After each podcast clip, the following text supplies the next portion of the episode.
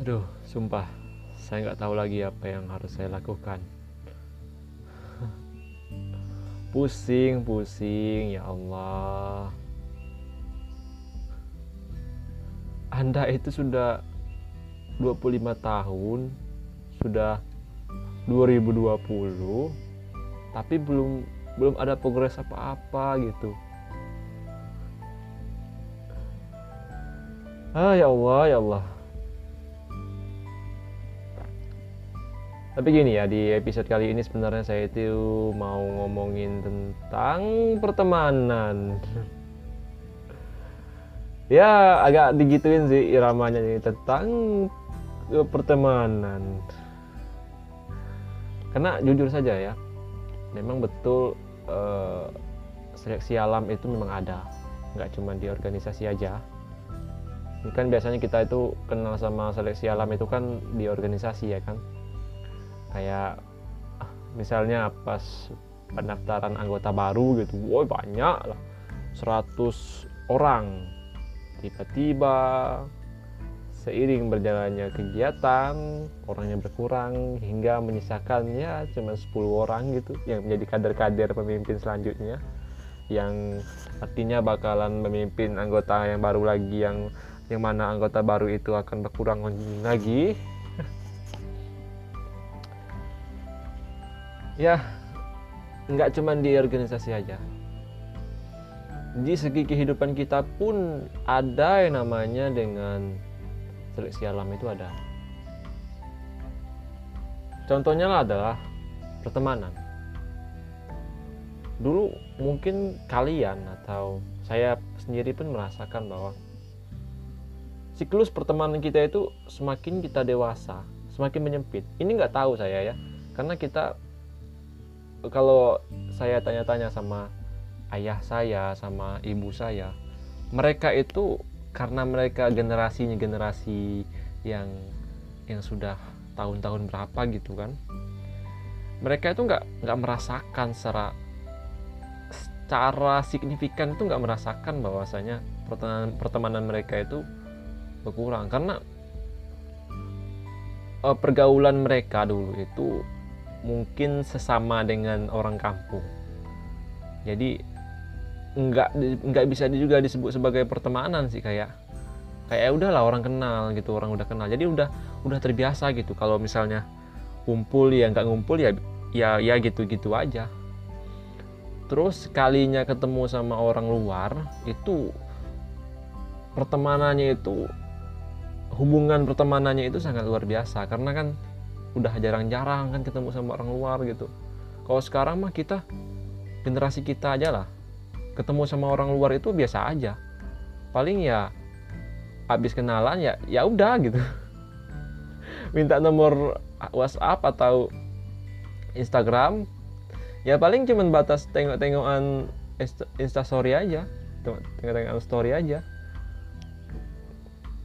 udah itu ya. Nggak berkesan gitu nggak berkesan. Jadi siklus pertemanan orang-orang tua kita dulu itu kayak nggak kalau mereka udah nikah udah besar gitu nggak terlalu memusingkan kenapa sih teman saya ini dikit? gitu. Beda sama sama kita sekarang generasi kita sekarang. Saya pribadi lah merasakan Yan kalau siklus pertemanan itu semakin kita dewasa semakin kita besar itu semakin menyempit. Saya dulu membayangkan waktu saya waktu saya masih SMA itu teman saya itu kalau bisa dihitung itu ada berapa ya? Ada lah mungkin sekitar 90 gitu saya hitung. Oh pokoknya di sekolah itu ada. Di sekolah itu satu kelas itu kan ada berapa teman gitu. Terus saya juga ikut organisasi pramuka gitu. Jadi temannya itu nggak cuma di organisasi yang sama aja nggak di cuman di kelas aja tapi di organisasi yang sama gitu. Kayak dari sekolah lain. Belum lagi kalau ada kegiatan seprovinsi ada kegiatan saya kabupaten jadi kawannya nambah-nambah gitu kan. Jadi kalau sekalipun kita ketemu di luar kesannya masih masih ada gitu. Jadi ketemu itu wah gitu. Cerita-cerita tentang kemah kemarin. Makin besar semakin dewasa saya kuliah. Kawan juga bertambah gitu kan secara kontekstual kawannya bertambah karena kawan kita bertambah bukan cuma dari organisasi pramuka aja tapi dari kelas-kelas lain gitu. Ya semakin mendekati semester-semester akhir semuanya pada sibuk masing-masing sibuk dengan skripsi masing-masing. Kemudian wisudanya ada wisuda masing-masing. Terus habis wisuda dari kerja masing-masing nikah masing-masing gitu jadi kayak oh shit kawan kita berkurang. Saya saya pribadi pun waktu SMA memang kawan itu banyak di kampung. Tapi saya tinggalkan karena saya kuliah. Saya kuliahnya ke Jambi. Jadi dengan kawan-kawan yang masih SMA itu kayak hubungan itu nggak kurang silaturahmi ya kurang silaturahmi jadi agak sedikit menjauh karena ada kesibukan masing-masing. Terus kawan saya pun saya fokus sama kawan-kawan saya yang ada di di kampus. Dan karena pun bertemu dengan kawan baru kawan baru kan baru jadi kawan-kawan lama itu kayak kayak kolaps gitu aja gitu kayak disappear. Wah hilang gitu dari peredaran kita dan ketika saya pun kerja saya bertemu bertemu lagi dengan kawan-kawan baru. Begitu pula kawan-kawan sa saya yang lama gitu. Tuh saya pulang karena covid. Karena fucking covid 19 ini saya pulang resign dari pekerjaan dan ya yeah, look now apa yang saya dapatkan kawan-kawan saya tidak ada.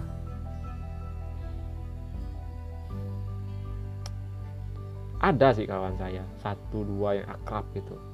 Tapi yang satu ini yang rumahnya dekat sama saya men dia ini dia ini kawan yang kalau kalau saya lihat dari pribadi saya sendiri dia ini datang ke rumah saya atau mendekati saya cuman kayak kayak ada maunya gitu. Ya memang itu adalah definisi eh, sama yang mau definisi. Itu definisi kawan menurut kawan ya kayak ya kawan kita memang kayak saling membutuhkan gitu. Pun saya ketika saya butuh saya ke dia gitu. Tapi ada sih kayaknya harus momen-momen yang mana kita tidak saling membutuhkan kayak kita. Eh aku ada aku ada sesuatu yang bikin senang loh. Ayo sini gitu.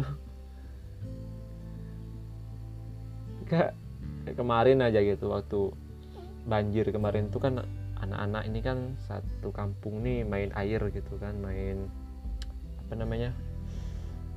Ya kayak mandi-mandi bareng gitu sore-sore nah dia ini pergi sama kawannya itu gitu. Jadi lewat rumah rumah saya. Saya saya ada di luar waktu itu duduk di di teras luar.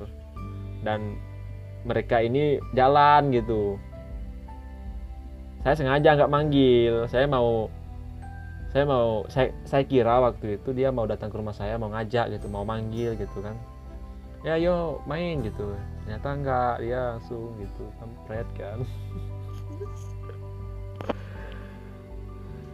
Gini dulu itu waktu saya masih kerja di kota dia ini kayak memang kurang saya saya saya tuh karena kita ya oke okay lah dia sibuk kan saya juga sibuk.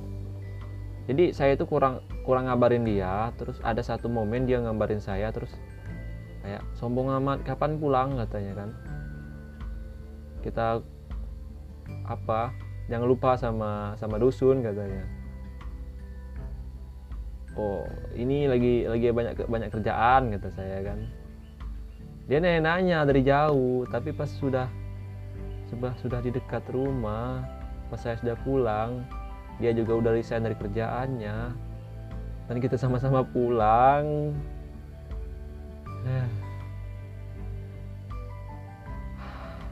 don't have any friend in my hometown. I know why I know why but it extremely hurt me. Ini sangat menyakitkan men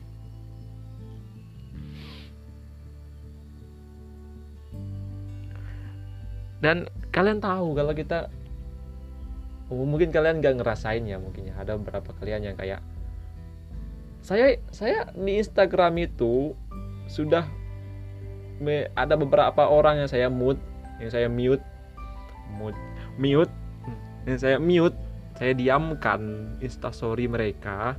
Itu karena saya saya tertekan melihat mereka itu kumpul-kumpul gitu sama kawan-kawannya.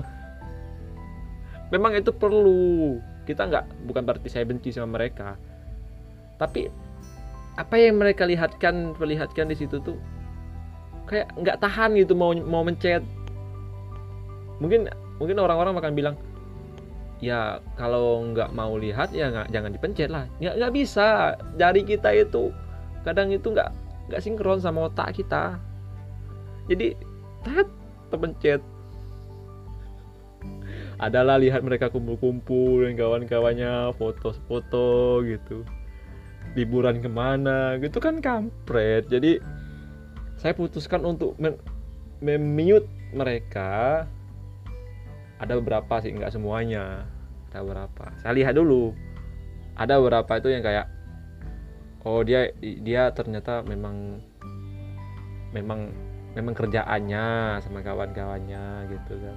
Jadi relawan oh positif bagus. Udah nggak apa-apa. Ini ada yang kayak bro saya di rumah ini. Kalian kalian liburan ke mana gitu ya Allah. Aduh.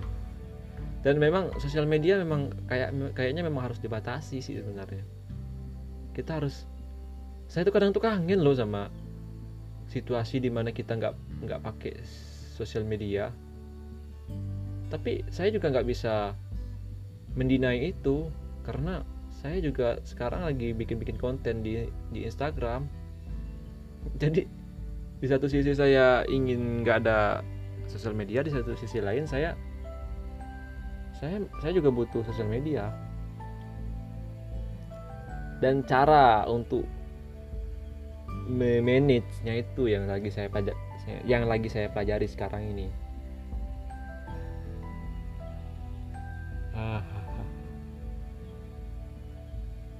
ada momen gini loh. Beberapa kali itu di kampung saya kan mati lampu. Jadi kalau mati lampu itu sinyal provider yang saya pakai ini mati itu sinyal internetnya. Jadi itu adalah momen di mana saya memang kayak kosong gitu kayak eh, ngapain dah kalau kalau ada sinyal kan kan bisa bisa buka-buka Instagram gitu. Ini saya ngapain ya gitu. Akhirnya ngambil buku uh, terus uh, bikin-bikin apa namanya konsep-konsep untuk artikel gitu. Kan saya suka saya kan sekarang lagi berlatih untuk untuk nulis artikel jadi bikin kerangka-kerangka kerangan gitu. Terus apa yang ada ide di kepala saya saya saya tulis-tulis. Jadi pas sudah kayak gitu momennya kita saya merasakan bahwasanya wih seru juga ya ternyata nggak ada Instagram nggak ada apa nggak ada sosial media nggak ada internet gitu. Terus saya kayak dengerin lagu secara offline gitu pakai Spotify Premium. Saya nyoba yang tiga bulan gratis itu. Nggak tahu lah nanti. Iya pokoknya saya um, memang uh, Instagram apa waktu itu waktu nggak ada sosial media itu memang kayak hal-hal yang sangat istimewa gitu. Terus kayak di mana ketika saya duduk saya baca buku gitu. Buku-buku saya yang saya lama itu saya baca lagi kan. Terus saya ngobrol sama orang nggak nggak lihat HP pokoknya seru lah. Lagi seru-seru tiba-tiba lampu hidup kembali dan sinyal pun datang lagi. Saya buka Instagram lagi dan story-story yang laknat itu muncul lagi di atas Instagram saya.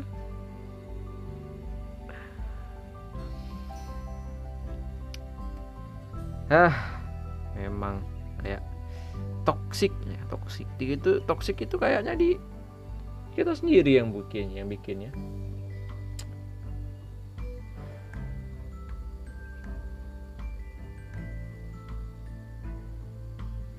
dah.